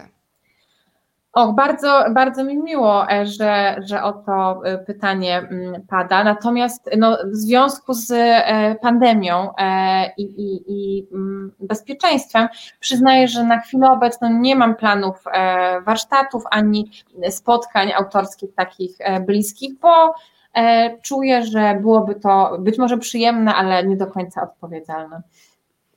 Bardzo Ci dziękuję, Marta, za to spotkanie. Mam bardzo dobrą informację dla Państwa. Mamy książkę Jadłonomia po polsku dla jednej z osób, które są po drugiej stronie. No, trzeba dać losowi szansę. Marta, to ja Cię poproszę, żebyś mi powiedziała mm, od jednego do dziewięciu ulubioną cyfrę. Trzy. Trzy. No to w takim razie trzeci mail, który wpadnie do mojej skrzynki pod adresem uwaga, rozmawiam, bo lubię gmail.com. Mają Państwo ten adres e, na dole ekranu. Trzeci mail y, będzie nagrodzony książką Jadłonomia i mam nadzieję, że Państwo będą mogli sobie potem przetestować, przejść od tej naszej opowieści, od teorii do zajęć e, praktycznych. E, I kolejne pozdrowienia Marta sobie je potem przeczytasz od całej rzeszy osób, które są po drugiej stronie. E, Małgosia właśnie napisała, że drugą książkę kupi obowiązkowo. E, mam nadzieję, że u Państwa w kuchni będzie ta książka. Właśnie, jakie masz podejście do kuchni? Czy one powinny być za, nie do kuchni, tylko do książek? Czy książka w kuchni powinna być zaplamiona, zatłuszczona? Czy ona jest tak piękna jako przedmiot, nawet księga zaklęć, jak powiedział tutaj ktoś po drugiej stronie, że jednak powinna wyglądać jak taki nienaruszony album? Przyznam, że lubię bardzo książki, które są takie przybrudzone, e, nadgryzione e, różnymi praktykami, niepowodzeniami kulinarnymi, no bo w końcu do tego ta książka jest, żeby właśnie z niej gotować, żeby się przydawała, więc te otłuszczone ślady, albo zdarzyło mi się widzieć jedną książkę przypaloną, bo została włożona do opalnika, e, jakoś mnie zawsze cieszą i trochę wzruszają. Marta, pięknie Ci dziękuję za wspólny wieczór. Przypomnę jeszcze raz, tylko wyciągnę książkę z podłatki. Jadłonomia po polsku. Dzisiaj y, spędzaliśmy wieczór dzięki tej książce, która była pretekstem do rozmowy na temat smakowania życia. Mi ten wieczór z Tobą bardzo smakował i myślę, że mówię też w imieniu tych, którzy są po drugiej stronie. Bardzo, ale to bardzo Ci za to dziękuję. Weronika, ja również Ci bardzo dziękuję za zaproszenie, za możliwość wymiany e, myśli i za wszystkie Twoje pytania i oczywiście Państwu, którzy nas e, słuchali. Dziękuję. Dziękuję bardzo, do zobaczenia. Do zobaczenia.